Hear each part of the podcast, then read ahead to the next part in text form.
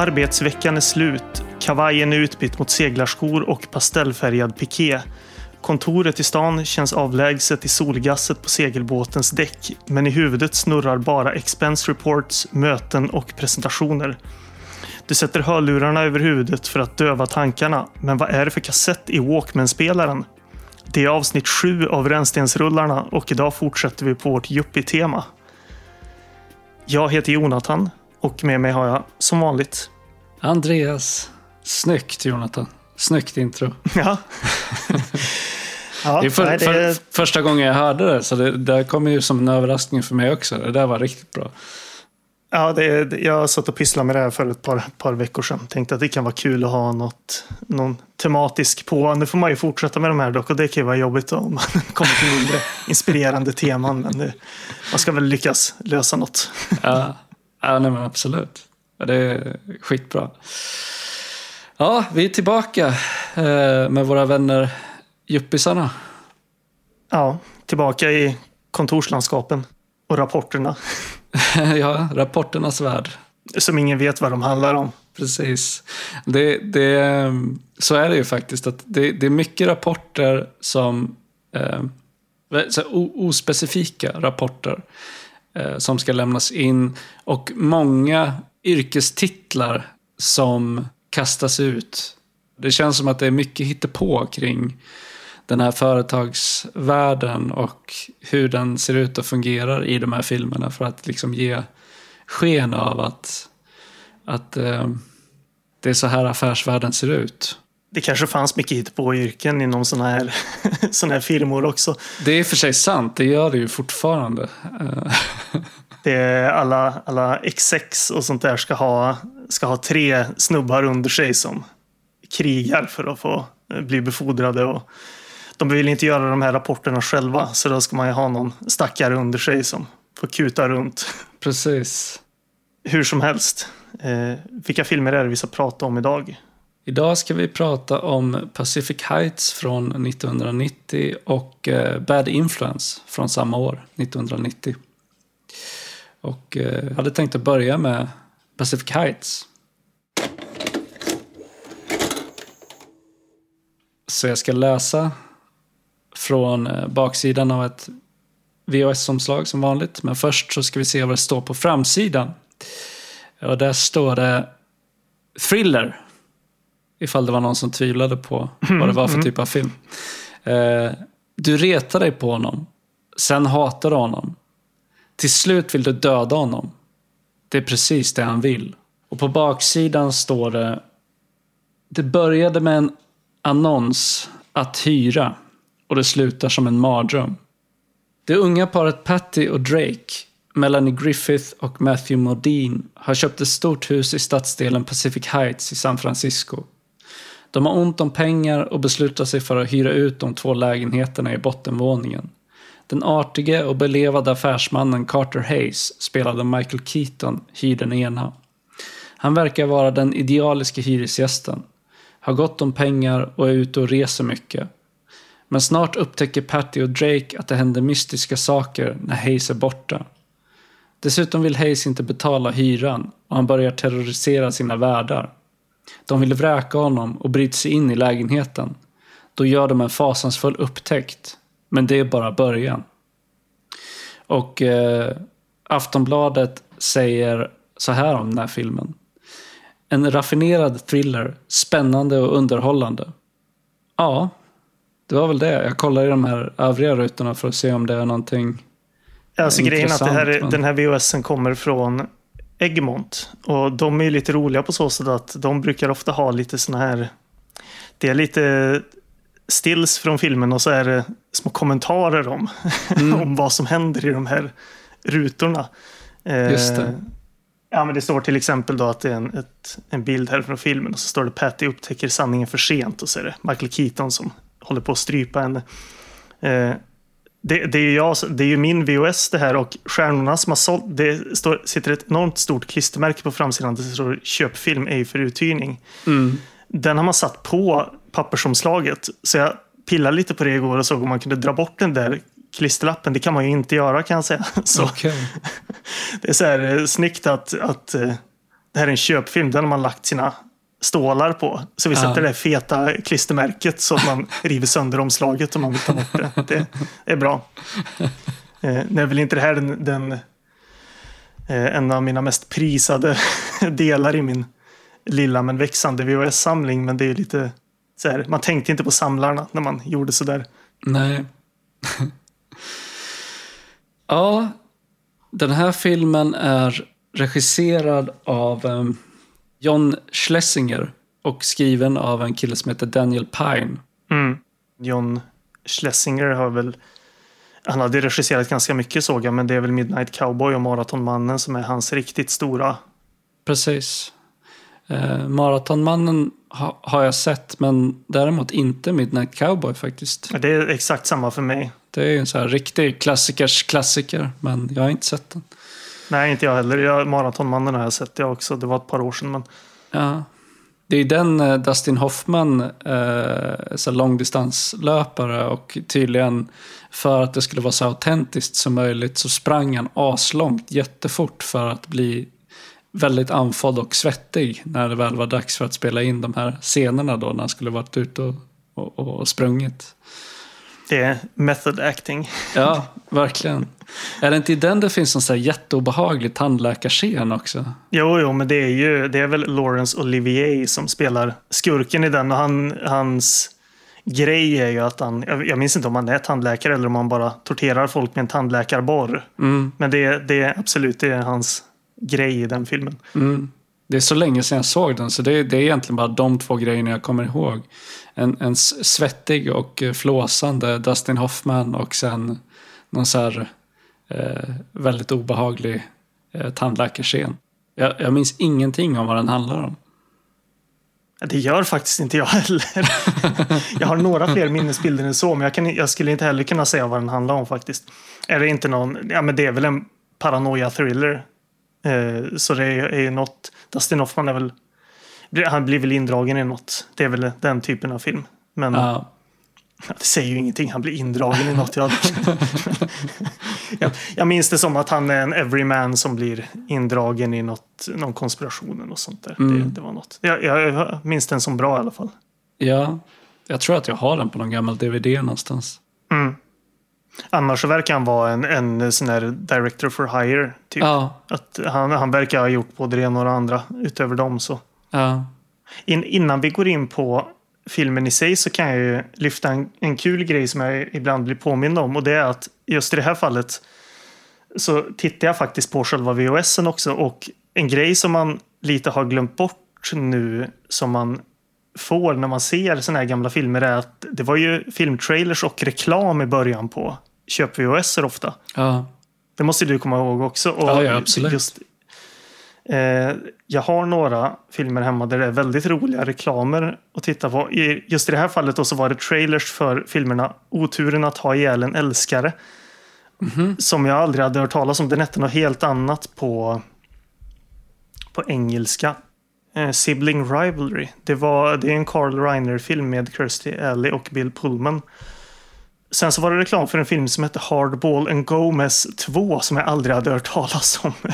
Och det visade sig vara någon serie som gick en säsong i USA. Jaha. Som man släppte på VHS i... Nej, jag tror till och med att det stod på bio nu. Så att man... Jag vet inte om man hade klippt ihop några avsnitt till en film eller om det var alltså en film som kom efter den här serien som jag aldrig hade hört talas om. Nej, Jag känner inte igen det heller. Det såg ut att vara någon buddy cop-historia liksom. Det, lå- det låter ju som det. Ja, precis. På, Att döma på namnet. Inget jag blir jättesugen på att se, men det, det, ibland kan det dyka upp roliga trailers eh, när man tittar på de här. Men Pacific Heights. Precis. Och eh, huvudrollsinnehavaren är ju då dels Melanie Griffith. Jag funderar på vad jag har sett henne i annars. Någonting som jag liksom... Hon har varit med väldigt mycket men, men jag undrar vad det är jag känner igen henne ifrån främst. Ja, alltså jag, de, de nämner ju Body Double på Mm. baksidan. Mm, Eh, den har inte jag sett. och det är nog, den är jättebra. Mm. Eh, Jag tror att det är lite, lite olika tankar om alltså om man tycker att den är lite för mycket eller om man gillar det. Den är ju väldigt, eh, väldigt 80-talig. Men jag tycker jättemycket om den. Mm. För att jag, jag sitter och tittar igenom hennes lista på IMDB nu och jag inser att hon är en sån här skådespelare eh, som jag nog inte har sett i så mycket men som ändå är väldigt bekant för mig. Eh, för det är inte mycket här som jag känner igen. Och det jag känner igen har jag inte sett, utan det känner jag bara till namnet. Mm. Och sen är det Michael Keaton då, som man ju känner igen från väldigt mycket. Uh, har ju fortfarande en väldigt, väldigt uh, framgångsrik uh, karriär än idag. Han, han var borta där under ganska många år, men sen kom han ju tillbaka i med Birdman på, på, Ja, precis. på allvar. Och sen har han gjort ganska mycket sen dess, tror jag. Ja, ja, precis. Det är en, eh, en skådespelare som är lätt att tycka om. Mm, verkligen. Han har någonting som, som eh, eh, tyvärr kanske inte kommer fram så mycket i den här filmen om man ska, eh, eh, det ska vi komma in på mer, men, men eh, han har något som är ganska, en, en charm som kan vridas på lite beroende på vilken typ av roll man har. Ja. Men, och sen är det Matthew Modine och hans främsta roll är väl i Full Metal Jacket av Stanley Kubrick. Ja, precis. Det är en sån här skådespelare som... Alltså han har ju varit med i jättemycket grejer, men det Mm. känns ändå som att eh, eh, det är svårt att, tänka på honom som något annat än, än eh, rollen i Full Metal Jacket. Så det blir... Eh, jag vet inte om han någonsin fick någon, någon alltså, jättekarriär. Nej. Ja, karriär fick han ju i och med att han har varit med i ganska mycket, men det känns som en sån eh, skådespelare som har svårt att skaka, skaka av sig en roll. Inte han själv då, men, men som till det yttre. Men han känns också som en sån här skådespelare som de flesta eh, kanske inte skulle känna igen eh, idag. Eller om man känner igen honom så kan man inte placera honom eller omedelbart komma på vad han heter.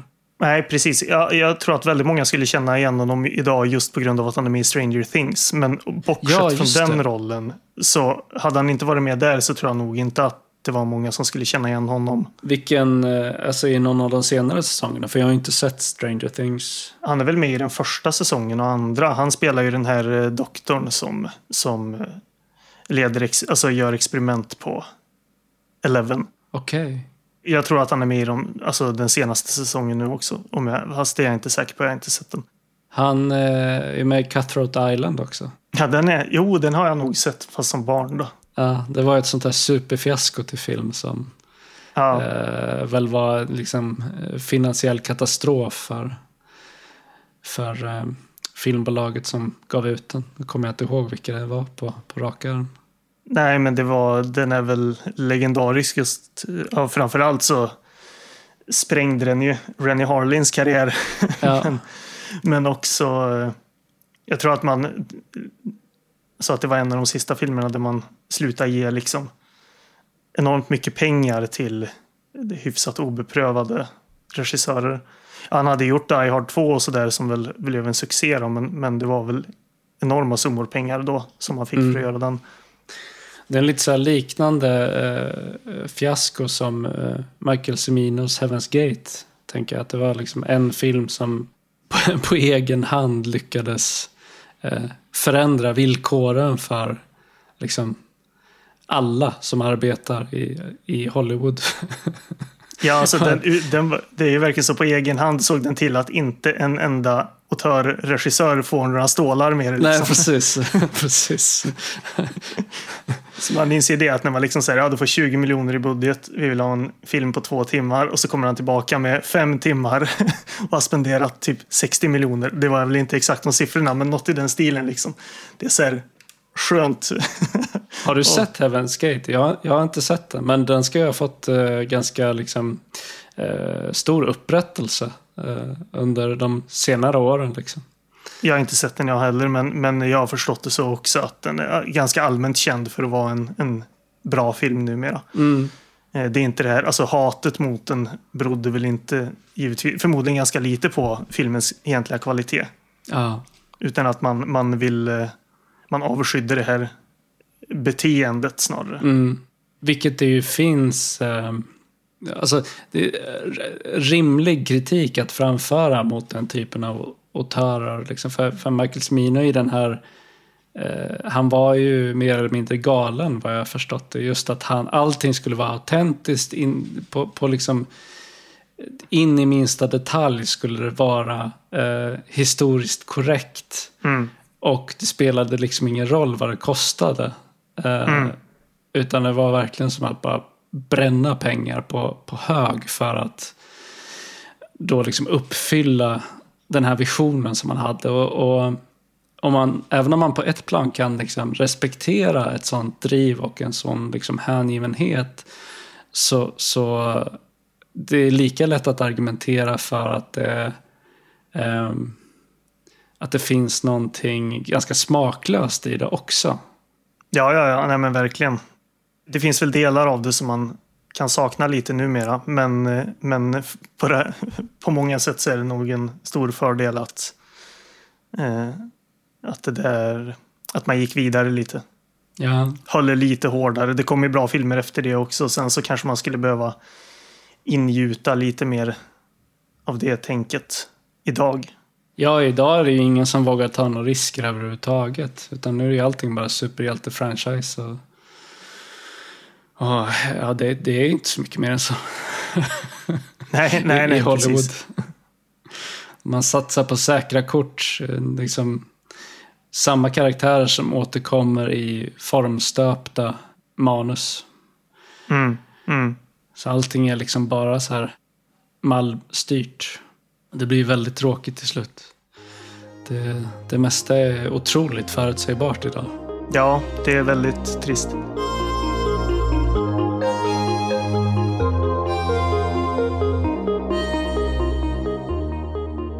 Nej men Pacific Heights. Den allra första scenen är väl att eh, man ser två eh, än så länge okända män som sitter i en pickup truck någonstans i den amerikanska öknen. Och man anar att det är någonting, eh, de har någonting illasinnat i görningen. Eh, och sen klipp till att Michael Keaton som, som ligger i sängen med en tjej och eh, sen stormar de här två männen in då och spöar skiten ur honom. Och när de lämnar det här hotellrummet då som, som de är på så verkar det som att Michael Keatons karaktär hela tiden visste att det här skulle hända. Som att han har planerat det. För han säger nu är det, det, det värsta är över liksom. Mm. Och sen så får vi möta eh, Melanie Griffith och Matthew Modine som är då det här yuppieparet som köper ett väldigt, eh, väldigt nedgånget hus i San Francisco. Ett gigantisk villa som är i stort renoveringsbehov. Tur bara att de visar sig vara så, så lysande eh, snickare eftersom de lyckas renovera hela den här kåken inom vad som verkar vara loppet av en vecka. Ja, precis. Därför att när Matthew Modin kommer ut och liksom dumpar eh, alla så här bråte ute på gatan som ska komma och plockas upp av, av sopgubbarna så hälsar han fortfarande på sina grannar som att de är helt nyinflyttade. Det är bara det att hela huset är ommålat och de har liksom renoverat varje rum och, skrymsle inne i, huset. Bara de två, mig veterligen. För man får aldrig se att de anställer några hantverkare eller så, utan det är bara de två som gör hela, hela skiten. Mm. Den här filmen vet ingenting om att renovera hus. Nej, nej, precis. är, så, så som de renoverar huset här är så som eh, valfri liksom, grej man ska göra hemma känns i huvudet innan man börjar göra det. Ja, verkligen. Man tänker att man ska bara gö- sätta upp det där skåpet eller måla den där väggen. Och så är man färdig sen efter 20 minuter. Det, det är ju aldrig så det går till. Förutom för, för det här paret då. För som Ja, sagt, precis. de lyckas renovera hela skiten på, jag tror att det är kanske en vecka. Och det blir väldigt fint, får man ju ändå Mm. lov att säga. Man får ju intrycket av att det här är en jäkla chansning de gör pengamässigt med att de, de chansar väldigt mycket på att köpa det här huset och då liksom renovera det själva för att kunna hyra ut. Mm. Det är intressant med de här två för eh, om vi i förra avsnittet eh, liksom stretchade hela yuppie-temat lite grann så har vi ju två filmer där, där det är liksom solklara yuppies. Ja. Eh, de här är ju unga, snygga, välklädda i ett väldigt fint område. Och jag skrev det att Matthew Modine har ju till och med ett osympatiskt jobb.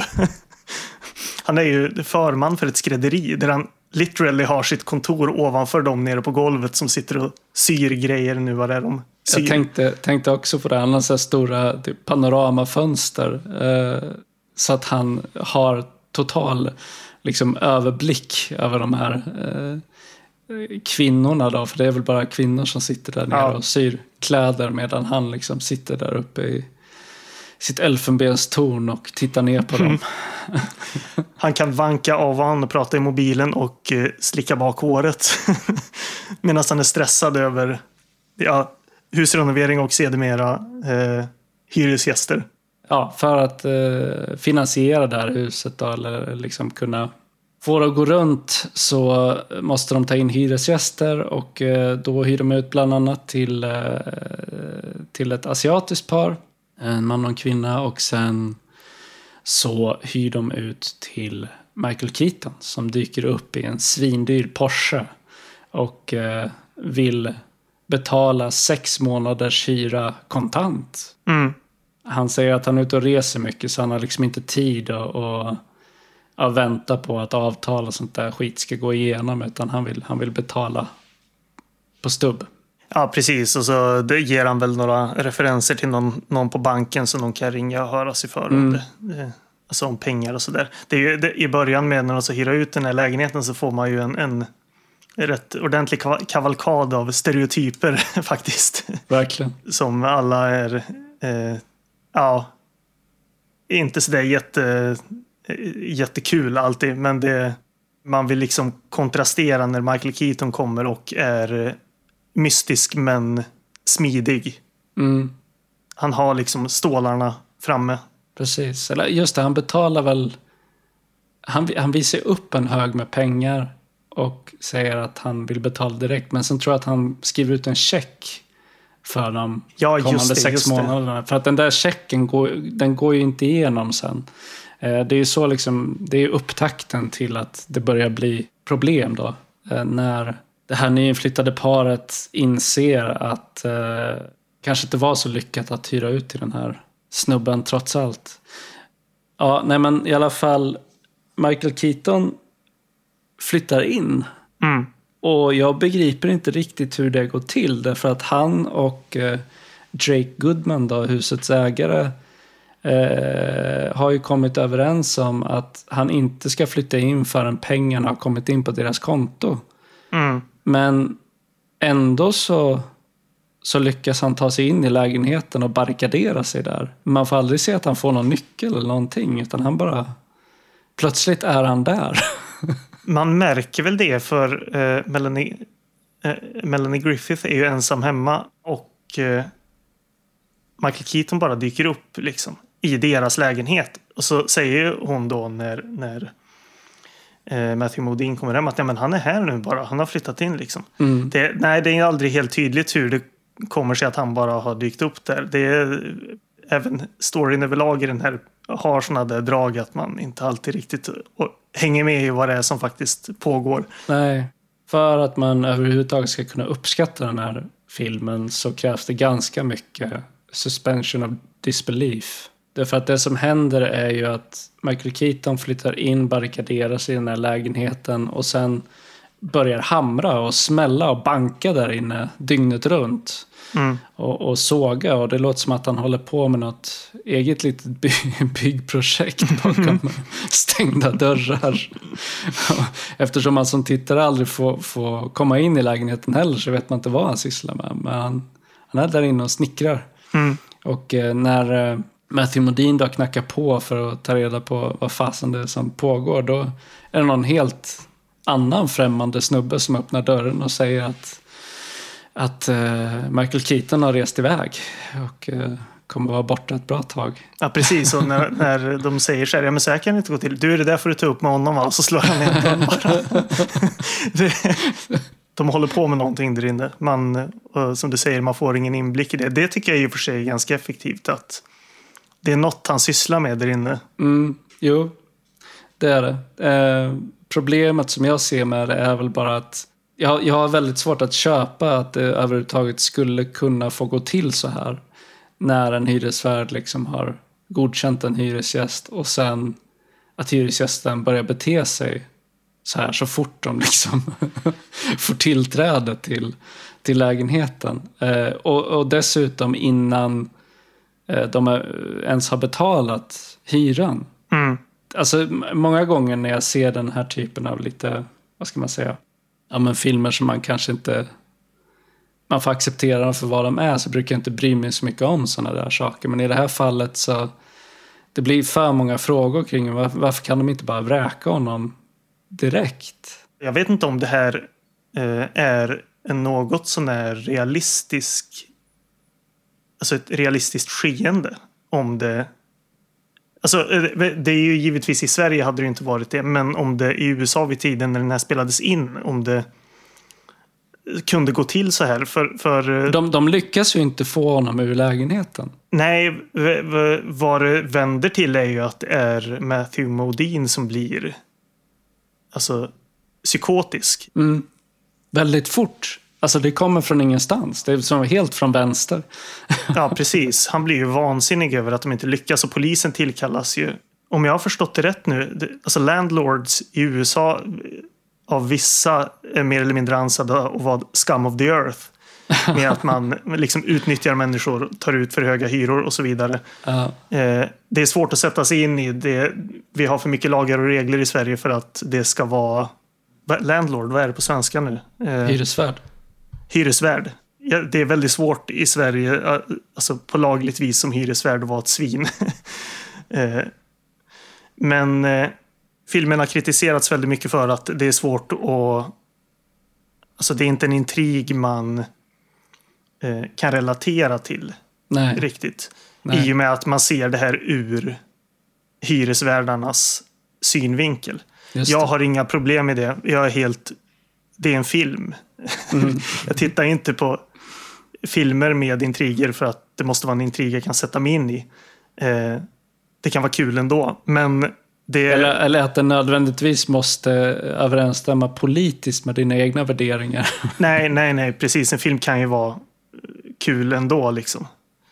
Men eh, sen så har man ju också då givetvis den kulturella aspekten med vad en landlord är i USA, speciellt idag, men också vid den tidpunkten och vad det är i Sverige. Jag var så nära att börja forska i hyresregler i San mm. Francisco under tidigt 90-tal. För att ta reda på om det här liksom var eh, ett realistiskt skeende eller inte. Mm. Eh, men sen så lyckades jag ändå släppa det. Att jag, så här, jag vet inte om det är värt en tidsinvestering för att bara ta reda på om det här om det här skulle kunna ha hänt på riktigt. Ja, precis.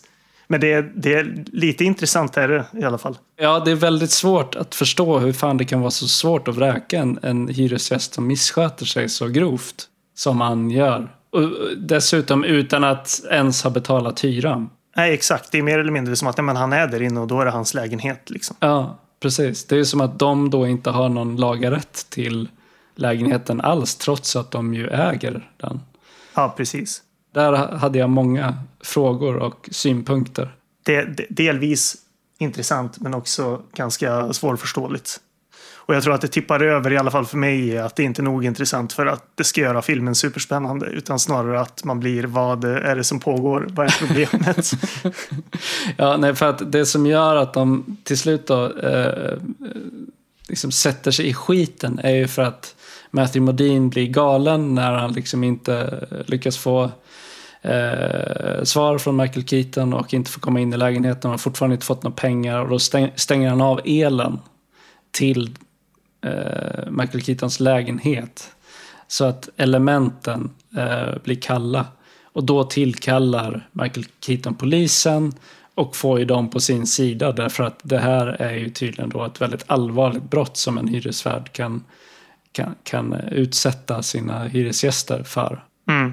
det används i filmen som liksom skälet till varför de sen inte kan bli av med honom. Utan måste dras med honom.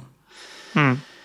Eh, och de går ju till en annan advokat och inleder liksom en rättsprocess för att försöka få honom vräkt. Men allt det här känns egentligen som alla de delarna av filmen känns inte som att de egentligen är särskilt viktiga för intrigen överhuvudtaget. Utan att det bara är saker som har skrivits in för att det, det ska verka trovärdigt. Mm. Eller alltså realistiskt. Eh, och, och kunna förklara varför Michael Keaton kan stanna tillräckligt länge i den här lägenheten för att genomföra det som han försöker göra. Ja, nej, det, det, är, det är verkligen som du säger att det, man har ett eh, legal drama mitt i den här filmen som inte känns så... Ja, det, det är intressant när man sitter och tänker på, på det här i tio minuter ungefär. Mm. Sen så känner man att ah, okej, det här är inte så spännande. Eh, sen så, jag vet inte om, om man använde Michael Keaton i den här filmen för man trodde att han skulle spela Psycho, men att han inte gör det, för han är ju väldigt kalkylerad. Medan det då är Matthew Modine som blir Psycho, verkligen. Och det är en ganska kul eh, twist ska man ju inte säga, men det, det är ju lite kul att man vänder på rollerna på så sätt. Tyvärr då så kan jag säga att det hade behövt vara tvärtom för att det skulle vara intressant på riktigt. Att Michael Keaton får göra det han gör bäst. Jo, alltså jag tycker att han lyckas i den här rollen eh, i det att han är väldigt obehaglig. Ja, ja, verkligen. Det finns ju en scen där han står nere i deras garage och tänder en ficklampa och bara står, Ja. står där liksom. Ja, när, eh, när eh, Melanie Griffith kommer ner i, i källaren så står han bara där och stirrar på henne i mörkret. Mm. Det som händer med Matthew Modine är ju att han ganska fort blir knäpp i huvudet. Liksom. Och börjar bete sig väldigt irrationellt och han har ju svårt med impulskontroll och sådär. Så han eh, begår ju en, en del väldigt eh, grava misstag. Eh, som egentligen bara gör läget för dem värre. Ja, precis. Jag tycker det är svårt att, att tycka om hans karaktär i den här filmen. Han är ju så dum. Ja, exakt. Just den biten är ju, ska man säga, första, ja, men, första tredjedelen av filmen kanske. Mm. De gör ett jättekonstigt, så som jag såg det, försök till att ta filmen från legal drama till att bli spännande igen. Och det är att man gör den här jättedeprimerande vändningen att Melanie Griffith får ett missfall. Ja, hemskt. Och det, ja, och det är så här. Ja, om ni ville göra filmen spännande och liksom ampa upp nu så är det lite fel sätt att göra det på. För jag menar, det är inte så här att Åh, nu, nu blir det tryck i handlingen liksom. Utan det är bara deprimerande. Eh, det ser jättekonstigt. Ja, och man tycker jättesynd om henne för att hon också har den här puckade mannen Ja. i Matthew Modine som, som liksom är, han, han är dålig på allt han fattar ingenting. Eh, det, det finns ju en så talande scen, som, jag vet inte ens om det är medvetet från, från filmskaparnas sida, men efter det att hon har fått missfall och de kommer tillbaka hem till lägenheten så står han ute i köket och gör te. Och så får man se hur hon kommer in i sovrummet och liksom möts av den här blodfläcken eh, i sängen igen och sätter sig och, och gråter. Och då alltså, han har inte ens bemödat sig med att byta lakan i den här sängen utan hon Nej. får komma hem och återuppleva det här traumat. Eh, så, alltså han, jag vet inte, han är ett sånt jävla as. Så det är väldigt, Mm, mm. det är väldigt eh, svårt att tycka om den karaktären. Ja, verkligen. Om det finns någon karaktär i den här filmen som, som det ändå känns som att de som man kan sympatisera med och som jag ändå gillar vad, vad de gör med så är det ju Melanie Griffith. Mm. För hon är ju den som tar tag i det här på slutet och, och lyckas lösa det också. Ja, precis. Eh, hon blir ju typ den sista tredjedelen av filmen den som eh, visar sig vara jämbördig med Michael Keaton intellektuellt. Mm. Det blir ju lite ombytta roller där på slutet med att hon låter honom eh, smaka på sin egen medicin. Men det är en väldigt spretig film på så sätt. Alltså man, man, eh, plötsligt så är det som att den hela tiden bär iväg i nya riktningar. Det gör ju inte saken bättre att den är typ en kvart för lång också. Man hade nog kunnat kapa tio minuter, en kvart och få en mycket tajtare och mer spännande intrig. Men jag känner ju också framförallt att eh, man hade velat ha lite mer Michael Keaton. Ja, mer koncentrerad handling tror jag hade varit Ja. bra. Alltså mindre fluff runt omkring. För det är samma sak med Michael Keatons eh, bakgrundshistoria är ju... Jag satt hela tiden och väntade på att det skulle bli någonting större av den. Mm. Eh, För filmen börjar ju med att man får se, får se ett foto på två små pojkar som sitter på en parkbänk med en eh, apa mellan sig. Mm. Och så tänker man, okej, här kommer det avslöjas någon stor hemlighet. Men sen när det väl avslöjas vad det handlar om så är det inte speciellt märkvärdigt. Alltså det är ingenting som får den att ramla av stolen liksom. Nej, nej. Eh, och jag hade även svårt att exakt hänga med i varför han har hamnat där han är och varför han håller på som han gör. Ja, precis. Nej, jag kan inte riktigt svara på det heller. Jag tyckte det var kul att Beverly D'Angelo hade en liten roll. Jag tänkte, ja vad kul att hon gör typ en cameo, men sen så kom, dyker hon upp i en ganska stor roll framåt senare delen av filmen också. Det var väl typ den enda eh, birollen i den här filmen som man också känner igen. Jag känner igen den här eh, asiatiska grannen också. Mako. Just det. Han var med i någon av filmerna som vi pratade om. Var det i förra avsnittet eller ett par avsnitten så har han också någon så här biroll. Men Mhm. han är alltid bara titulerad som Mako i de filmer som han är med i. Ja, nej, annars så vet jag inte om det var någon eh, skådis sådär som stod ut direkt. Dan Hedaya känner man ju igen faktiskt. Eh, han spelar Lone Officer. Ja, just det, precis. Eh, han är med i bland annat eh, Blood Simple av bröderna Coen också. En av deras första filmer. Eh, där han spelar en barägare. En Mm. väldigt obehaglig barägare. Han är bra. Mannen med de kolsvarta ögonen. Ja, nej men Tippi Hedren är ju med också. Alltså, jag kan inte minnas hennes roll, men det, det, man ska inte säga att det inte finns några man känner igen. nej, nej, men det finns ett gäng. Men de, de man känner igen har, förutom huvudrollsinnehavaren, då, har ju väldigt små roller. ja, ja, Det är precis. därför man inte kommer Precis. ihåg dem så väl. De spelar en eh, tidig Soundgarden-låt också i en scen. Det, det tyckte jag var kul. Asså. De spelar en, en? Soundgarden, eh, Hands All Over, kommer från deras andra skiva tror jag.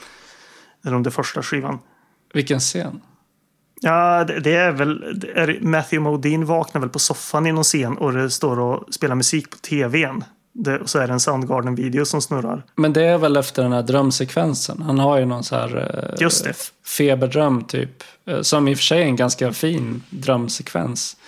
Eh, där eh, kameran liksom glider genom huset. Eh, och det är väldigt så här blått sken. Jag tror att det är direkt efter den som han, eh, han vaknar upp där i soffan och sen upptäcker han att hans hustru då eh, står, hon står inne i duschen och har fått missfall. Mm. Ja, just det, just det. Men jag vet att de, att de kör den på tvn. Liksom. Att det är en video som snurrar på tvn. Det känns lite som att man använder den för att det ska vara raka motsatsen till, till deras karaktärer. De skulle ju aldrig lyssna på som stökig musik. Nej, just det. Det, det återkommer ju i nästa film också att det är så här. Fan, metal och hårdrock. Det, det är det farligaste och mest skruvade man kan komma på. Ja, när det inte är såna här sexiga saxofoner. Nej, För det, är- precis. det är det också. Så är det radiorock, syntar och bombastiska trummor är, hör till eh, yuppisarna. Medan Precis. distade gitarrer är farligt. Ja. Det var en scen som jag tyckte var rolig och också som jag har lagt märke till som något av en, en trop i Hollywoodfilmer, kanske framför allt på 90-talet. Mm. Men minns du när vi pratade om arachnophobia? Vi har den här skadedjursbekämparen. Ja, ja, det hade jag skrivit upp om faktiskt. Ja. En, en rad, det glömde jag bort, men vad kul Ja. att du tar upp det. I arachnophobia spelad av, eh, hjälp mig, John Goodman. John Goodman, precis. Och eh, här har vi också en skadedjursbekämpare. Därför att Michael Keaton släpper ju lös kackerlackor i, i husväggarna som då eh, tar sig in hos, det här, hos hyresvärdarna. Och de tillkallar en skadedjursbekämpare som också är väldigt excentrisk. Precis som John Goodmans karaktär i Arachnophobia är. Och precis som i andra filmer, som till exempel Men in Black, där finns det också en så väldigt excentrisk skadedjursbekämpare. Och jag gissar att eh, det finns, den här karaktären är återkommande i många filmer. Eh, mm. Från den här eran som, som eh, jag antingen inte kommer på nu eller som, som jag inte är medveten om. Men det, där, det vore lite kul att gräva djupare i den tropen någon gång och se var, vart man kan hitta den. Ja, varför, varför skadedjursbekämpare alltid skulle vara wacky. Liksom. Är det för att man har ett så konstigt jobb? Eh, en stor skillnad mellan skadedjursbekämparen här och Arachnophobia är ju att han som jobbar med det i den här filmen vet ju inte vad han håller på med. Nej, men han, han får det att verka som att han gör det. För han håller en lång, lång föreläsning om kackerlackor. Och, eh, och sen så fort han liksom öppnar upp eh, det här köksskåpet för att mötas av dem så får han panik. Ja, precis som bara börjar spraya och så här, oh, oh, oh, liksom. det, det, är som att det, det är fem kackerlackor där och det är för mycket. Det, ja. det här går inte. Precis. Och den, eh, jag visste att jag kände igen den här killen som spelar eh, skadedjursbekämparen. Men jag kunde inte placera honom så kollade jag upp honom och den skådisen heter Tracy Walter. Och han spelar Bob the Goon i första Batman-filmen. Han är Jokerns högra hand i första Batman-filmen. Den från 89? Ja, Tim Burtons Batman. Ja, precis. Han är en av de här eh, eh hantlangarna till Joker som springer runt i eh, såna här lila puffjackor. Alltså jag har sett den filmen men det var så makalöst länge sedan så jag kan, kan inte minnas någonting nästan. Nej. Men eh, det var därför jag kände igen honom så väl. Jag vet faktiskt inte riktigt vad jag ska säga mer om den här filmen. Jag, jag tyckte inte att den var så jäkla bra, tyvärr. Nej, och jag tyckte att den var lite tråkigare vid andra titeln till och med. Jag tyckte inte att den var superbra första gången heller. Så det här är ett ganska bra exempel på en sån film som jag ska backa mitt betyg på. Eh, vad jag, vad jag känner framförallt med den här filmen är att om man är nyfiken på den här genren eh, och vad det är för, alltså, eh, om man är nyfiken på yuppie thrillers överlag så kan man ju se den här för att den är ett sånt tydligt exempel. Mm. När man läser om just yuppie thrillers så, så nämns den här ofta. Den hade ju en budget på 18 och drog in 55. Så det är klart, populär blev den nu också då. Mm. Just det, en, en lyssnarrespons som jag har fått är att eh, vi har tappat bort det här med att prata om huruvida vi plockar upp filmer ur rännstenen eller inte. ja, just det. Jag tänker att vi kan, vi kan väl börja återinföra det och, och jag eh, röstar för att vi låter den här ligga kvar i rännstenen. Ja, precis. Det, det är inget som ska... Det är inget som behövs plockas upp om man inte aktivt gör valet att söka sig vidare inom den här genren. Eh, men nej, jag tycker att vi, den här kan vi låta ligga, ligga kvar. Ska vi gå vidare då till Bad Influence? Ja.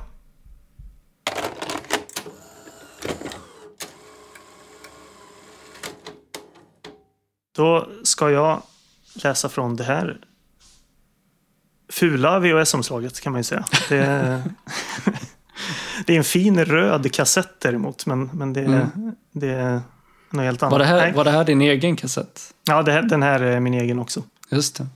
Vi kan ju börja med framsidan då. Bad influence. Att vara hans vän innebär stora risker. Att bli hans fiende är rent livsfarligt.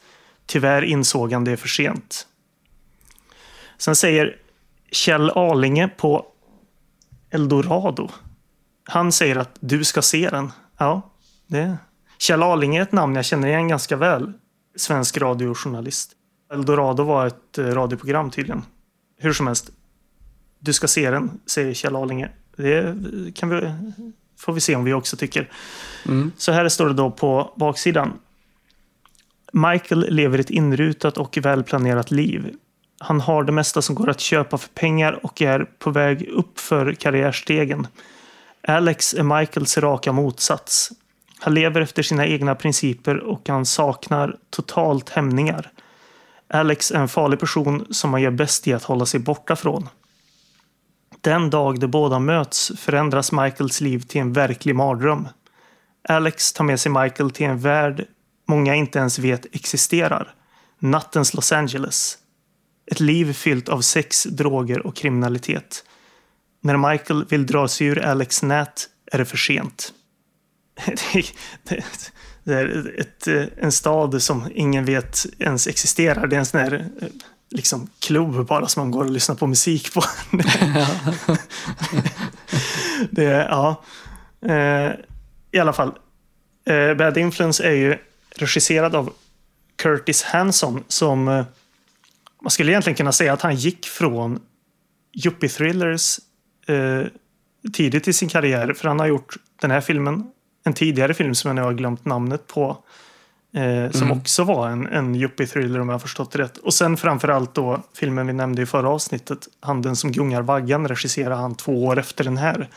Och den blev ju en eh, mastodontsuccé om jag har förstått det rätt. Sen så gick han ju vidare och hade en fortsatt väldigt stor karriär för han regisserade ju LA Confidential och 8 Mile. Mm, även Wonder Boys. Ja, just det. Precis. Nu tror jag att han är död vid det här laget, men han hade ju en väldigt, väldigt stor karriär ganska länge. Mm, han dog 2016. Just det. Eh, men jag tror att den sista liksom stora filmen och, och, och väl, den sista välkända filmen är väl 8 Mile från 2002. Herregud, den är 20 år gammal. ja, ja, precis. Vad fan. Ja, men det, det är ålders, åldersnojan. Smyger sig på. Manus till den här då så har vi ju mannen med efternamnet vi har pratat om tidigare, David mm. Kepp. Eh, Kupp. Kupp, ja, precis. Vi pratade om honom i jag, sk jag skrev ett avsnitt förra året. Jag har inte ens bemödat mig att titta vilket nummer det var. Var det avsnitt tre? Eh, vi pratade honom... Eh, pra vi pratade om honom i, jag tror, avsnitt två. Nej, tre var, för avsnitt två var ju Buddy Cop-filmer väl? Också. Ja, men vi har pratat om David Cup två, gång, äh, två gånger. Jaha, har vi? Ja, ja. Jag har pratat om honom i, i, två han avsnitt. Skrev ju, han skrev väl Dark Angel också? Ja, precis. precis. Just det, så det hade jag avsnitt, avsnitt två pratade vi om honom och sen pratade vi om honom i avsnitt tre när vi eh, såg The Secret Sense med Kevin Bacon. Eh, och vi lyckades, vi lyckades ju aldrig gå till botten med hur man uttalar hans efternamn så vi kom ju överens om att vi, vi skulle Ja, vi, vi hävdar med bestämdhet att det är Cup. Ja, men absolut. Ja, men vad kul. Ja, ja, det, det, den skrev han ju Eh, Dark Angel skrev han i samma år som den här filmen. Då. Eh, men det här, om jag, det lilla jag läste på Wikipedia så var väl det här också filmen som verkligen startade hans karriär. För han har ju skrivit tusen andra saker. Mm. Jurassic Park och så vidare. Jo, jag läste en intervju med honom också där han just eh, eh nämnde Bad Influence som hans stora genombrott. Mm. Eh, det är ganska intressant att han hade skrivit manus till Dark Angel som kom samma år som, som ju inte blev något större Nej. genombrott. Nej, precis. Också en väldigt bra film. Ja, ja, verkligen. Det är absolut. Det, om man är intresserad av att höra mer om den så kan man gå tillbaka och lyssna på avsnitt två av Brännstensrullarna. Ja, absolut. Det tycker jag att ni ska göra. Eh, Ja, men I huvudrollerna då så ser vi ju framförallt James Spader och Rob Lowe. Men här finns det också lite ansikten man känner igen. Vad är hon heter nu, hon som är med i... Som spelar James Spaders fru? Nej, inte alls fru. Det, det är en grej som återkommer i filmen. Men hon är hans flickvän. Hon är ju med i Desperate Housewives. Hon heter Ma Marsha Cross. Just det. Hon var även med i Melrose Place. Ja, ah, okej. Okay. Hon såg precis likadan ut i den här filmen som hon gör när man har sett henne på tv. Hon eh, verkar vara en sån här person som aldrig liksom åldras. Hon... Som har druckit spädbarnsblod för att, för att inte, inte åldras. Nej, men det, det dyker upp lite, lite ansikten man känner igen här också. Ja, du har ju även Lisa Sane i en av rollerna. Vilket alltså är Billy Sanes äldre syster. Jaha, det är det.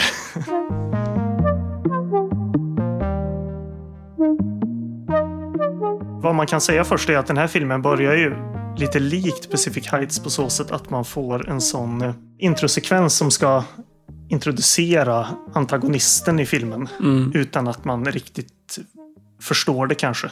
Man får se bara en person som plockar med sig sina ägodelar från ett, eh, en hus, eller, ett hus eller en lägenhet, går ut och slänger upp väskan han har haft sina ägodelar i eh, in i en sopbil när han går ner för vägen. Mm. Och eh, man förstår att där är det någon skum person. Eh, sen det första jag har skrivit är att nu pratar vi yuppis på riktigt. Ja, För det är verkligen. stora kostymer, stora datorer, liksom kontorslandskap, smiliga kollegor. Ja, dyra frisyrer. Ja, precis. Eh, Rapporter som ska lämnas in. ja, här handlar det ju faktiskt om en rapport som ska lämnas in och datafiler som har gått förlorade. Och vi har då James Spader i mitten av allt det här som är som gjord för den här typen av roll. När man Verkligen. ser på hans utseende och hans stil. Mm. Han ser så... Jag vet inte hur gammal han var här. Han kan inte ha varit 30. Han ser väldigt ung ut. James Spader är född eh, 1960, så, så han, var ju, han fyllde 30 när den släpptes. Då, så han var väl strax, strax under 30 när den spelades in. Mm. Nej, han, han ser väldigt, väldigt tyngd ut av eh, alla förväntningar som ligger på hans rygg på det här företaget. Det, det är ju just som sagt då någon, det är någon rapport han ska in och han behöver ha några, det är väl typ sales figures eller något de pratar om. Som har, hans, han eh, återigen här då krigar lite mot sin kollega. Som en skådespelare jag kände igen lite som jag inte har kollat upp riktigt. Men det är filer han måste ha på datorn som har försvunnit. Som hans kollega då har liksom lagt vantarna på på något vis. Och han är ju övertygad om att det är kollegan som är skyldig till, till att gömma undan de här eh, filerna som man behöver. Då, men han har samtidigt inte tillräcklig, eh, liksom, tillräckligt mod för att våga konfrontera honom med det. Eh, så, så när vi möter James Spader i början av den här filmen så är han ju eh, en riktig pushover. Eh, en, han är hunsad av, av alla, av sina kollegor. Han är hunsad av sin blivande hustru Marsha Cross. Den första scenen där man eh, se, ser dem eh, sitta och prata med varandra på hans kontor och, och Marsha Cross säger I'm having second thoughts. Och James Spader eh, plötsligt är det som att han vaknar upp ur någon slags slummer och så säger han really. Men han, han låter liksom han låter lite för glad. Över att hon säger att hon börjar få kalla fötter. Då. Och sen när det visar sig att det inte handlar om att hon tvivlar på, på äktenskapet så är det nästan som att han har lite för svårt att dölja sin besvikelse. Liksom. Så det, han, jag tycker att han är ganska duktig på att med, med små eh, gester eh, få en att känna att ja, nej, men han kanske inte är så sugen på att gifta sig egentligen. Liksom. Det, det finns en manustrop i den här scenen också. Just eh, första scenen man får se mellan de två. Eh, som jag vill eh, benämna. Och det här ser man i filmer ibland. Alltså, hans flickvän då, Marsha Cross, har kommit till hans kontor för att fråga om han har tid med lunch. Så här, ah, det har du tid att gå och äta lunch? Och det har han inte. Sen pratar de i fem minuter och sen säger hon att hon inte har tid och måste tillbaka till kontoret. Varför fråga hon om man kunde äta lunch? det, alltså det är så... Ja, men, det, jag vet inte, slappt. Ja, det är det. Det är som att man har Verkligen. glömt bort att man för två... Alltså, på början på den här manus A4 han skriver att har du tid att äta lunch? Och sen måste bryta den här scenen och då säger hon att nej men nu har inte jag tid mer. nu måste jag dra. Det är nästan som att vissa delar av ett manus är skrivet efter mall. Eller att man Ja. återanvänder samma svepskäl för att de här karaktärerna ska mötas. Eh, och sen glömmer bort att ändra det då i, i det slutgiltiga eh, manuset. Mm. Så att det liksom...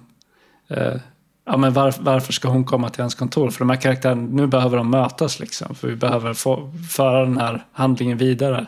Ja, var, men varför kommer hon dit? Ja, ja, men hon vill gå ut och äta lunch liksom. Men sen i slutet av scenen så har man fått den till att handla om något helt annat. För det, det handlar liksom aldrig egentligen om att hon vill äta lunch. Utan vad det handlar om är att, eh, ja men du förstår, men att det är så ja, ja, men precis. Man måste bara ha ett svepskäl till att introducera den här Att karaktären. hon ska vara där liksom. Ja, precis.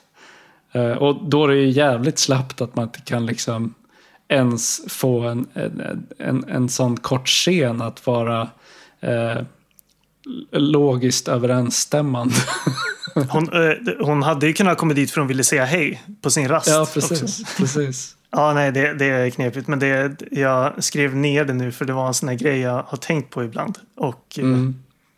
det, det är lite samma som när två karaktärer har en diskussion i en scen och sen så har det uppenbarligen gått flera timmar men de fortsatte, fort, alltså man gör ett klipp till en helt annan scen och så fortsätter de på samma diskussion. Jönssonligan-greppet när det är ett så här montage eh, Mm. medan en karaktär redogör för någonting.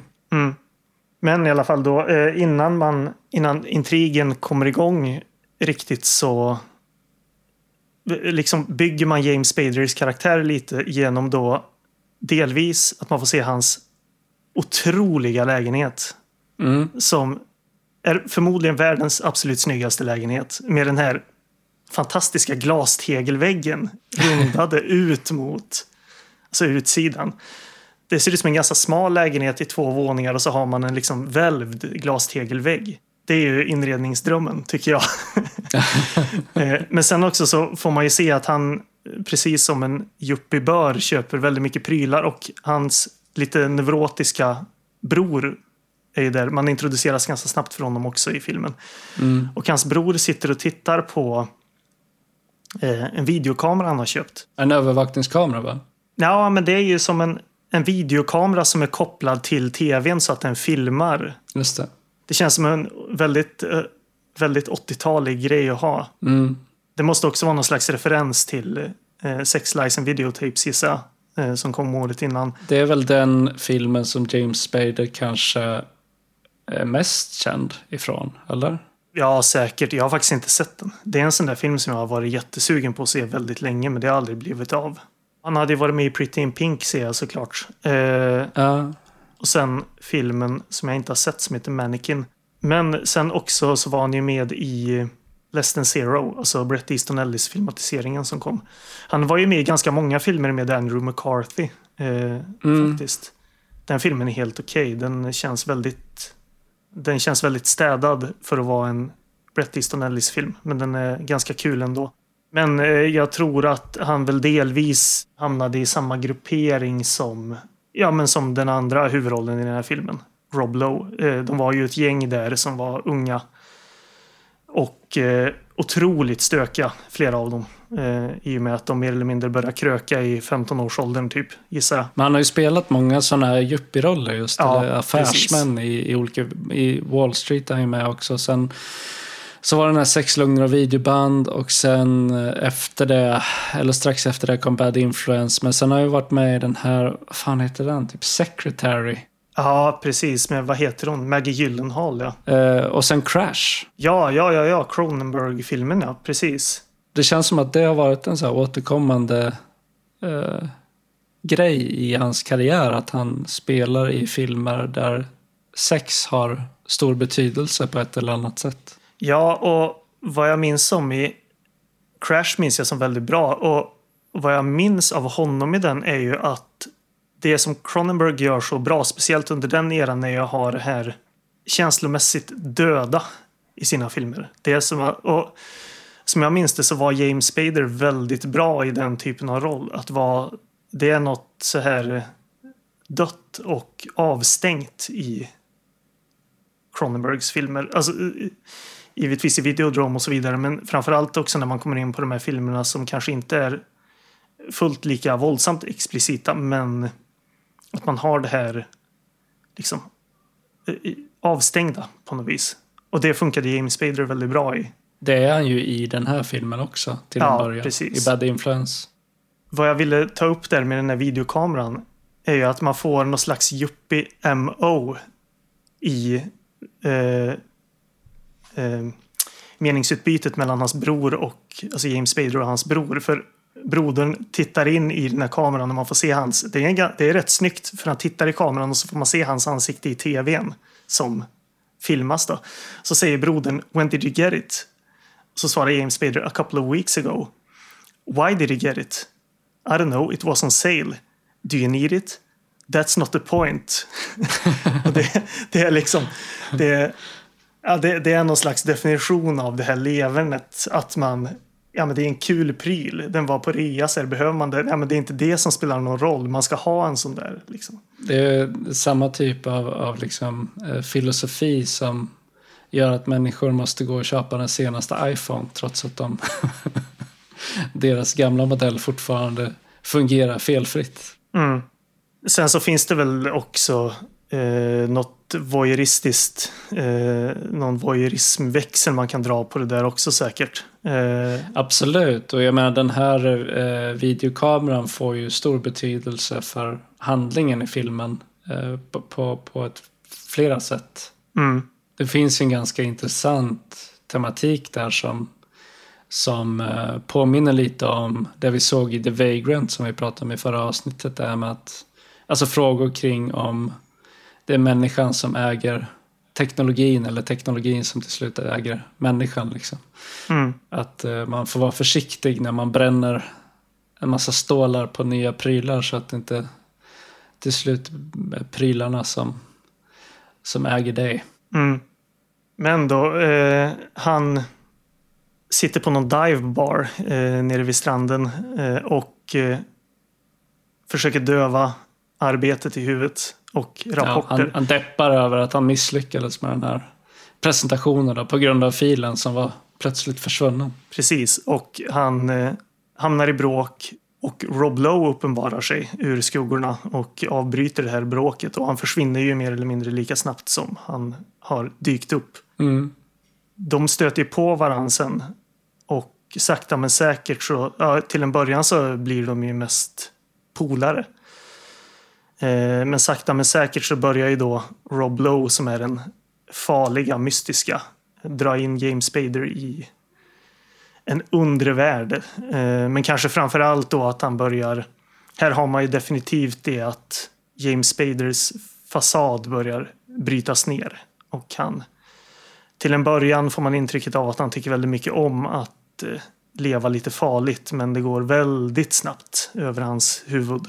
Ja, när han är ute och partajar med Rob Loda och eh, träffar kvinnor och eh, det som händer sen är att han blir bjuden på någon så här familjemiddag med massa gäster för hans, mm. hans blivande hustru då kommer från en väldigt förmögen familj och sådär. Eh, så han kommer dit så plötsligt uppenbarar sig Rob Lowe där och påstår sig vara någon annan än den han är och eh, som, som så många andra gånger i filmen så har han bytt accent och påstår att han kommer från något, ja. Ja, Frankrike är det väl, tror jag. Mm. Så uh, han hänger där och har skärmat in sig hos de här personerna då som, som är han, James Spaders bliv, blivande svärföräldrar och men sen plötsligt så drar han därifrån och han säger någonting kryptiskt innan han går att typ du får tacka mig sen eller något sånt där och James Spader fattar inte vad han menar. Så går han in i ett intilliggande rum och då, där står alla och, och, och, tittar på en film då som, som Rob Lowe tydligen har lämnat. Och eh, när de trycker på play så visar det sig att det är en filminspelning på när han har väldigt eh, akrobatiskt sex mm. med den här kvinnan som han träffade på en av de här barerna som, som, som de besökte. Och eh, han tvingas titta på, på den här videofilmen då, eh, tillsammans med både sin blivande fru och svärföräldrar och hennes övriga släkt och vänner. Och det här är ju en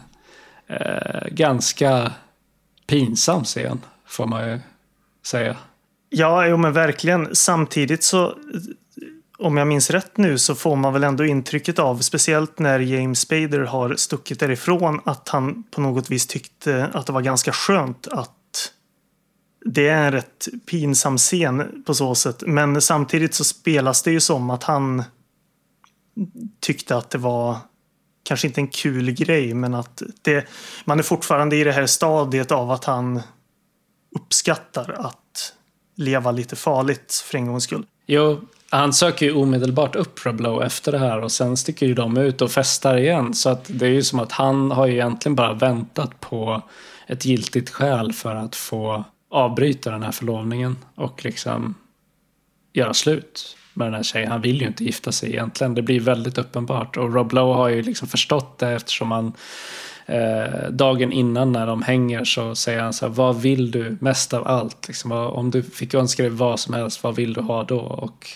han pushar ju hela tiden för att James Spader ska liksom eh, berätta sina innersta och mest egoistiska önskningar. Liksom. Så han försöker ju locka fram det här locka fram det ur honom. Ja, precis. Men sen går det ju väldigt snabbt överstyr det att de börjar utföra rån ihop och eh, de... Man förstår ju att eh, Rob Lowe har ju på något vis sagt till att de här filerna som kollegan har tagit liksom har försvunnit inför att kollegan ska hålla en presentation för det här. Och eh, på så sätt hjälper James Spader men då också... Nej, alltså det, James, det är James Spader gömmer undan filerna själv. Ja, det kan, ja, det är så. Men han, peppad av Rob Lowe. Ja, just det. Att han ska ge igen på den här kollegan då. Han hjälper ju på många sätt James Spader till att våga liksom stå upp för sig själv och ta för sig. Ja, men precis. Och, men sen så kommer man ju då, det, det går ju väldigt snabbt överstyr som du säger, de börjar råna ställen. Och det, det var en sån scen som jag hade, eh, som jag slogs av den här gången, att det här rånet av hamburgerrestaurangen är ju nästan överraskande illasinnat, hela den scenen. Ja, verkligen. Det, det, det är en väldigt välgjord scen. James Spader vet ju inte vad det är som är på gång. Han är liksom stupfull. De har varit ute och festat och han har supit skallen av sig. Och sen åker de runt och cruisar omkring i Rob Lowe's bil på stan och sen stannar de vid någon, eh, någon hamburger, något hamburgerhak. Och Rob Lowe går in medan James Spader är kvar ute i bilen eh, med någon sån här kaninmask över huvudet. Eh, och jag för mig att han i den scenen frågar så här Rob Lowe om, ja, men ska inte du också ha en mask? Och Rob Lowe svarar I don't need it. Varpå han går in och rånar det här hamburgerstället.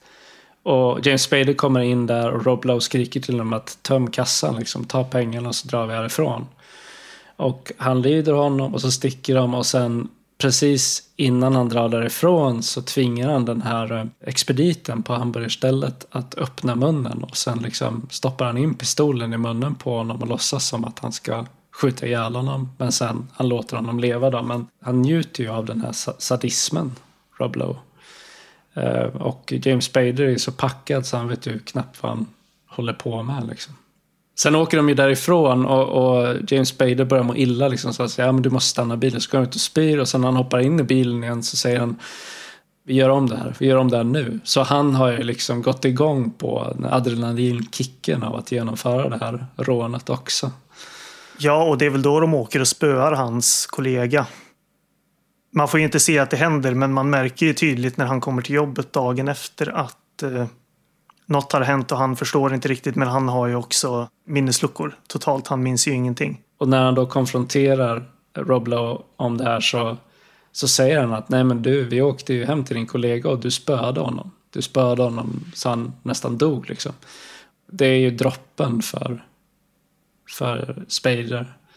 Så att han då säger att ja, men du, du och jag, vi ska inte umgås längre, du ska dra härifrån. Liksom. Och då blir Rob, Rob Lowe väldigt kränkt. För han tycker ju att han har hjälpt James Spader, att han har hjälpt honom att se vem han verkligen är. Precis, och jag tycker det är intressant med den här rånsekvensen för det finns drag av mörker på riktigt. Eh, och jag tycker att det funkar bra i det här fallet för den här filmen är så pass tight och har så pass bra pacing att till skillnad från vissa av andra filmerna vi har pratat om så känns verkligen thriller-aspekten helt integrerad här man får nog mycket thriller, det kommer nog snabbt och man håller takten uppe. Plus att man då får de här scenerna där man inser att oj, det här är liksom det känns liksom farligt på riktigt, vilket jag tycker funkar väldigt bra. Mycket tack vare Rob Lowe. Alltså Mm. han gör ju en, en väldigt bra roll här. Eller i alla fall jag köpte ju honom som den här samvetslösa psykopaten. Som eh, samtidigt har liksom utseendet och charmen för att förföra människor och få dem att, att göra som, som han vill. Men han är ju väldigt obehaglig. Ja, och alltså fram, framåt slutet på filmen så blir det nästan som att han är en, en slags spöklik gestalt som bara dyker upp. Ja, nej men det, en sak som jag tänkte på var ju att det finns en ganska tydlig djävulstematik Mm. här. Alltså att det, det finns någonting nästan faustiskt över Ja, ja, den här visst. berättelsen i det att James Spader liksom gör en deal med Rob Lowe och får liksom makt och framgång på bekostnad av sin själ. Mm. Jag tror vi nämnde det i förra avsnittet, eller kanske pratade lite om det eh, när vi pratade om yuppie-thrillers som genre eh, i allmänhet. Det med att, att eh, ett återkommande tema är om huvudkaraktärerna ska liksom ja, hur, vad, de ska göra för typ av val i slutändan. Om de ska välja det omoraliska och, och, och liksom vedervärdiga eller om de kommer att få någon form av själslig, själslig återupprättelse. Liksom. Mm. Det här känns det ju som att det är James Spaders mänsklighet som står på spel. Verkligen. Och jag, sk- jag har skrivit det här att den här filmen mer än någon annan av de vi har pratat om också visar lite på urskräcken i yuppie-thrillern. Eh, just att eh, den städade ordentliga ytan ska rubbas av något eller någon utomstående. Mm. Det är liksom det som är grunden för skräcken i de här filmerna. Det är inte skräckfilmer, men alltså skräcken för karaktärerna. Att det, det är det som är det obehagliga som, som inte får hända. Att ytan man har rubbas.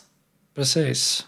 Det finns, finns en del vändningar i den som, som vore värda att prata om. Man kanske kan beröra dem utan att för den skull prata om det i, detalj. Men den här, som sagt, den här video, videokameran, eller filmkameran får ju en eh, väldigt viktig betydelse sent i filmen. Och eh, i den scenen, eller de scenerna, så, så finns det också väldigt så här, tydliga tecken på att man spelar på den här eh, djävulstemat ganska hårt. För att James Spader, det är som att han slutligen då konfronteras med vad Rob Lowes karaktär är för någonting. Och vid det laget så har han nästan gått från att vara ja, men, en människa till att vara någon form av djävul bara. Eller eh, som vålnad eller vad, vad du använder för ord för att beskriva det. Och James Spader börjar läsa Fader vår. Han plötsligt så här faller ner på knä och läser Fader vår, mumlar det för sig själv för att det är som att han inser att vad, vad, vad det är han har gett sig in på. Och, och jag tycker att det görs ganska snyggt i den här filmen. En annan grej som bidrar till det är den här eh, mystiska inledningen som du pratade om tidigare. Att man får se honom när han lämnar en ett hus. Det är en kvinna som ligger kvar där i sängen och han liksom står och bländrar bland fotografier där man ser att det ser ut som att han instruerar en kvinna om hur man skjuter en pistol. Och sen lägger han några av fotona i ett fack och några av fotona i ett annat fack i den här väskan som han sen kastar i sopbilen. Och sen precis innan han lämnar huset så kan man liksom av olika detaljer utröna lite vad det är som har hänt där. För det står liksom tre glas på, på bordet till exempel. Så man säger okej, okay, de har varit mer än två personer i den här lägenheten. Och senare i filmen så introduceras man ju också för en kvinnlig karaktär som, som verkar vara hans riktiga partner. Och de verkar ha någon slags här otroligt sadistiskt projekt ihop där de lockar till sig nya människor och sen fördärvar dem. Alltså de fördärvar dem eh, moraliskt. Alltså precis som han tar sig an James Spader för att få honom att liksom konfronteras med sina mörka sidor och, och fördärva hans karaktär. Och att det här verkar vara något återkommande spel som Rob Lowe's karaktär då Eh, gör tillsammans med den här eh, namnlösa kvinnan som man får se ett antal gånger genom filmen. Och det där, eftersom det aldrig liksom är uttalat exakt vad det handlar om. Eller att man aldrig får reda på någonting kring Rob Lowe's bakgrund. Man vet liksom ingenting om den här karaktären. Det enda man vet är att det namn han uppger. Eh, men det visar sig ju sen vara olika namn i olika situationer. I olika, alltså beroende på vem man träffar så heter han något helt annat, pratar på ett helt annat sätt. Så man vet ju inte heller om den person som han presenterar för James Spader är hans verkliga jag eller om det är bara ytterligare ett alias som han använder. Så man vet ingenting om honom. Och han eh, försvinner ju ur filmen på ett ganska symboliskt sätt också, kan man väl säga. Ja, jag, tycker att, att den eh, spelar på, de, på det här temat väldigt väl. Absolut. Och genomgående. Den är, den är väldigt... Den är ganska subtil på många sätt. Ja, verkligen. Det finns mycket man kan fundera kring i efterhand och jag tror att det är en film som tål flera tittningar och att man kan hitta fler ledtrådar till vad det här egentligen handlar om. Ja, alltså det är ju saker vi har pratat om idag som jag inte har tänkt så mycket på när jag har sett den. Så man har ju en, om man vill se det som en ganska enkel yta så finns den där. Mm. Samtidigt som, precis som du säger, det finns ganska mycket att prata om om man bara skrapar lite. Eh, skrapar lite på ytan och ser den en gång till. Jag, jag är inte ens säker på att Rob Lowe ska vara en människa. Nej, nej, nej. Det... Jag är inte säker på att det är, det är tanken som Mr Cup har haft eh, när han skrev den karaktären. Det är väl kanske snarare att man ska vara som någon slags ja, men gestalt bara som uppenbarar sig med det enda målet då att fördärva någons eller fördärva någon, någons moral. Mm. Att det är det som han finns till för att göra. Ja, korrumpera. Och att det snarare är så här, någon slags funktion han har. Mm. Eller att det är så, så, så, han fungerar snarare än att... För det är som att han inte existerar utanför den intentionen. Som att han inte har något liv Nej. utanför det. Och också att han är så obrydd kring Ja men som när, de ska, när, när han rånar det här hamburgerstället, att han inte bryr sig om att maskera sig. Han verkar helt obrydd över risken att åka fast. Mm. Och det verkar nästan som att han inte kan åka fast. Mm. På ett plan är det som att han eh, styr under helt andra regler än resten av mänskligheten. Mm. Ja, precis. Som någon slags väsen snarare än människa. Han är ju otroligt likt Zac Efron också. Rob Lowe. Ja, det, kan, ja, det kanske det har jag inte tänkt på. Eller. Zac Efron är otroligt Eh. lik honom. En kort sekund där fick jag tänka, men vänta nu, Zac Efron. men eh, det kanske kommer en... Jag inte jinxar det nu så att det kommer en remake. det känns väl i och för sig som en, som en... Inte för att det är en film jag alls skulle påstå behöver en remake, men det känns som ett... eh, Eller förresten, som, den här typen av filmer har ju kommit in, eh, på senare år också. Man skulle säkert kunna argumentera för att den här filmen har eh, fått en remake fast i någon annan film bara. Men om inte annat så känns det som en film som borde få mer uppmärksamhet även idag. Det här är ju lite av en doldisfilm nu. Eller det är därför vi pratar om den Jo, också. men precis. Men det är en, en väldigt bra film. Jag tror att när den kom så var den väl också lite överskuggad kring den här eh, skandalen som briserade runt Rob Lowe. Jag tror att det skedde ungefär samtidigt. Det här var ingenting jag kände till innan, innan jag såg filmen. Utan det har jag liksom läst inför att jag förberedde mig för, för eh, det här avsnittet. Men eh, han var ju tydligen involverad i någon så här eh, skandal kring eh, ett eh, Sextape. sextape, precis. Det blir ju en, en aspekt av filmen då som på sätt och vis, det har ju åldrats väldigt dåligt. Men det blir ju också en, en lite knepig, alltså det är ju givetvis inget som, det har ju funnits med i manusen långt innan så det blir ju en ganska olustig koppling till, till eh, verkligheten. Ja, det som gjorde det särskilt eh, obehagligt eh, var ju att, det- som jag förstått så var det, det ett sextape där det var två, två tjejer av var den ena bara var 16 år gammal. Så, så det fanns ju liksom sådana dimensioner av det här som gjorde det extra obehagligt. Ja, precis. Nej, alltså det var samma sak för mig. Det var, det var ingenting som jag hade någon koll på heller. Jag, hade, jag tror att det enda jag hade någon slags, alltså visste om var att Rob Lowe eh, sågs lite som en bad boy i det här gänget av unga skådisar som, ja men med Andrew McCarthy då bland annat och James Spader tror jag ofta eh, sågs vara i samma gäng. Men det var ingenting jag hade någon koll på heller och uppenbarligen så var det någonting som man förhållandevis enkelt också kunde skaka av sig. För jag menar, hans karriär verkar ju inte dippa nämnvärt på grund av det. Men just det, det, det var som du sa, eh, att eh, jag såg att både eh, Rob Lowe men också Curtis Hanson själv har ju sagt det att den här filmen hamnar ju definitivt i skymundan på grund av den här skandalen och båda sa väl också det att det var ganska synd i och med att det var en väldigt bra film som glömdes bort nästan direkt på grund av allt annat som skedde runt. Precis. Har du, har du några fler punkter att ta upp kring Bad Influence? Nej, men jag tänker att i slutändan så är det ju... Jag tycker det här är den bästa filmen av alla de vi har pratat om hittills. Bland de här två avsnitten faktiskt. Jo, men absolut. Det håller jag med om. Det är utan tvekan.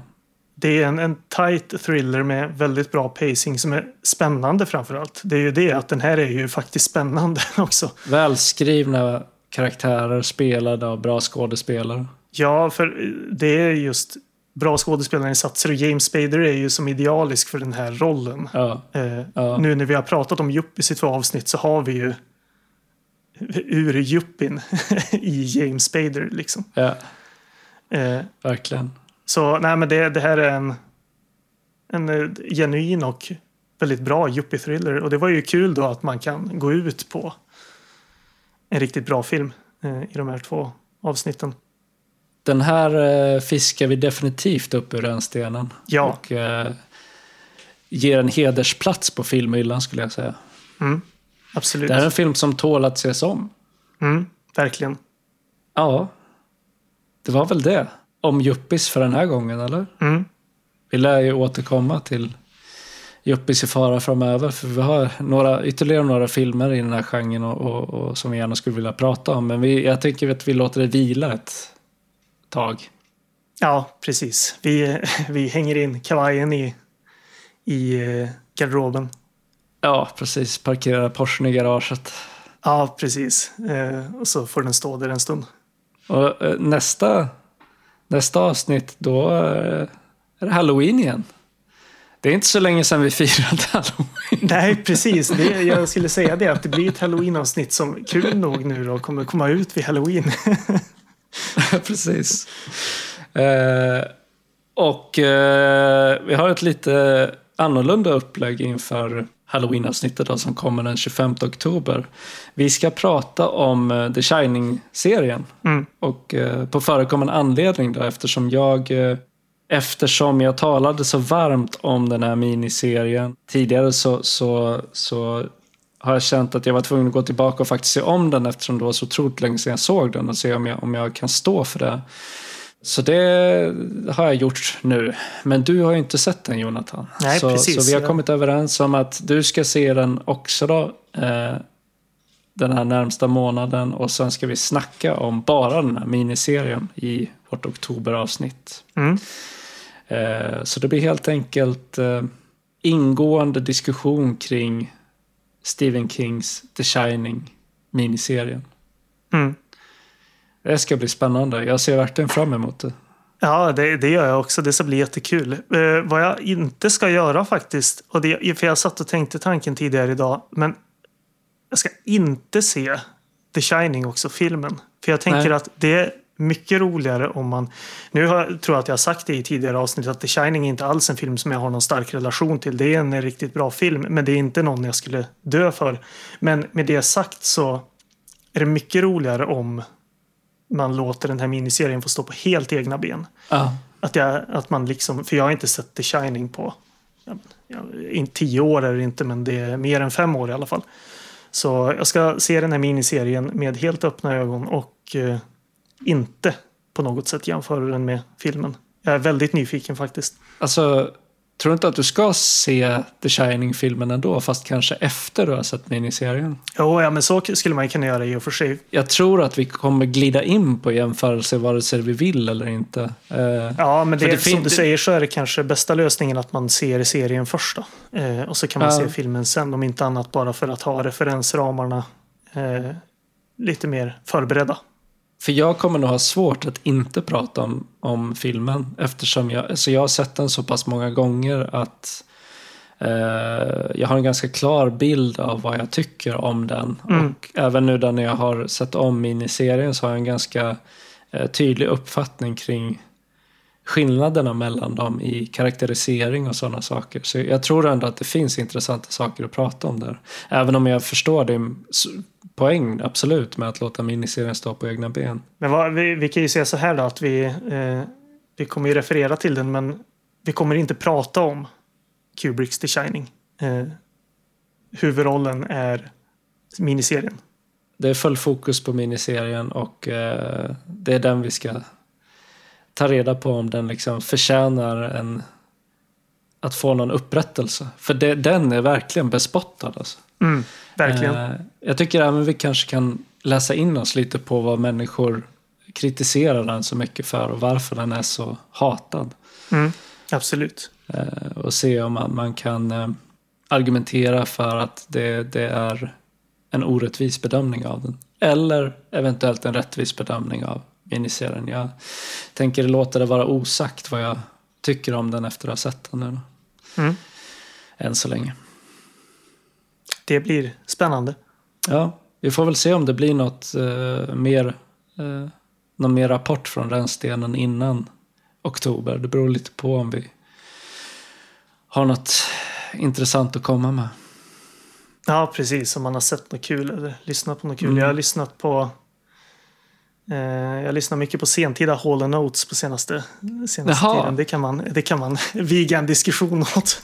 Ja, absolut. Vad, vad, har du några exempel på låtar från sentida All Notes?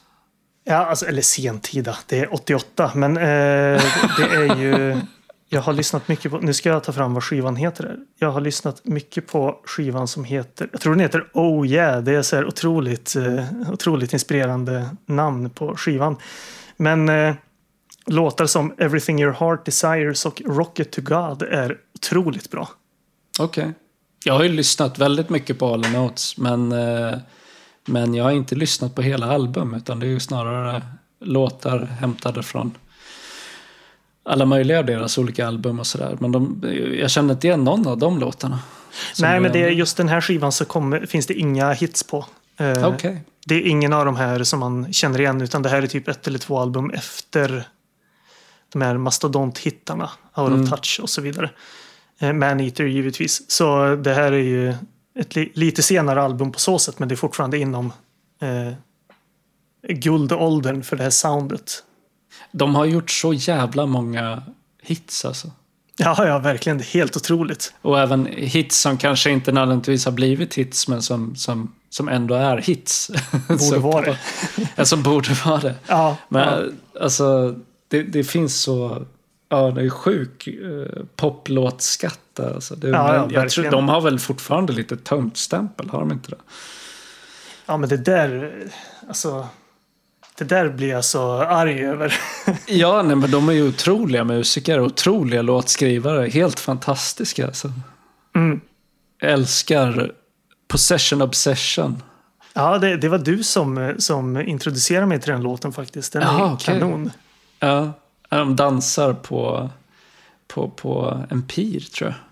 Mm. i kostymer. Eh, och sen så här dimmigt och tunnor som någon har tuttat eld på. Liksom. Så här typiskt amerikansk slum.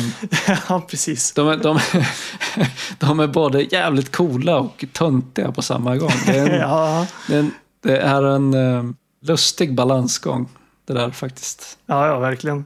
Men musiken är allt annat än töntig. Den är väldigt, väldigt bra. Känns, eh, känns väldigt kompatibla med eh, teman, temat vi just har pratat om också. faktiskt. Ja, Det verkligen. hade varit eh, väldigt, eh, väldigt sannolikt att höra en Hall Notes-låt i någon av de här filmerna.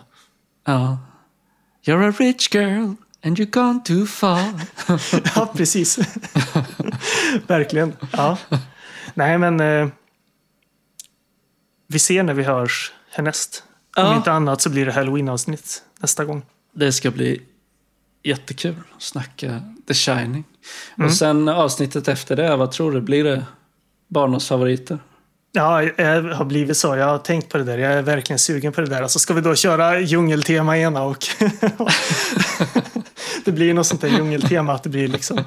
Ja, nu har vi inte spikat filmer, men jag, jag, jag har fortfarande inte sett Joe Jättegorillan som jag det, återigen då tror mig ha älskat i barndomen men inte har en enda minnesbild av.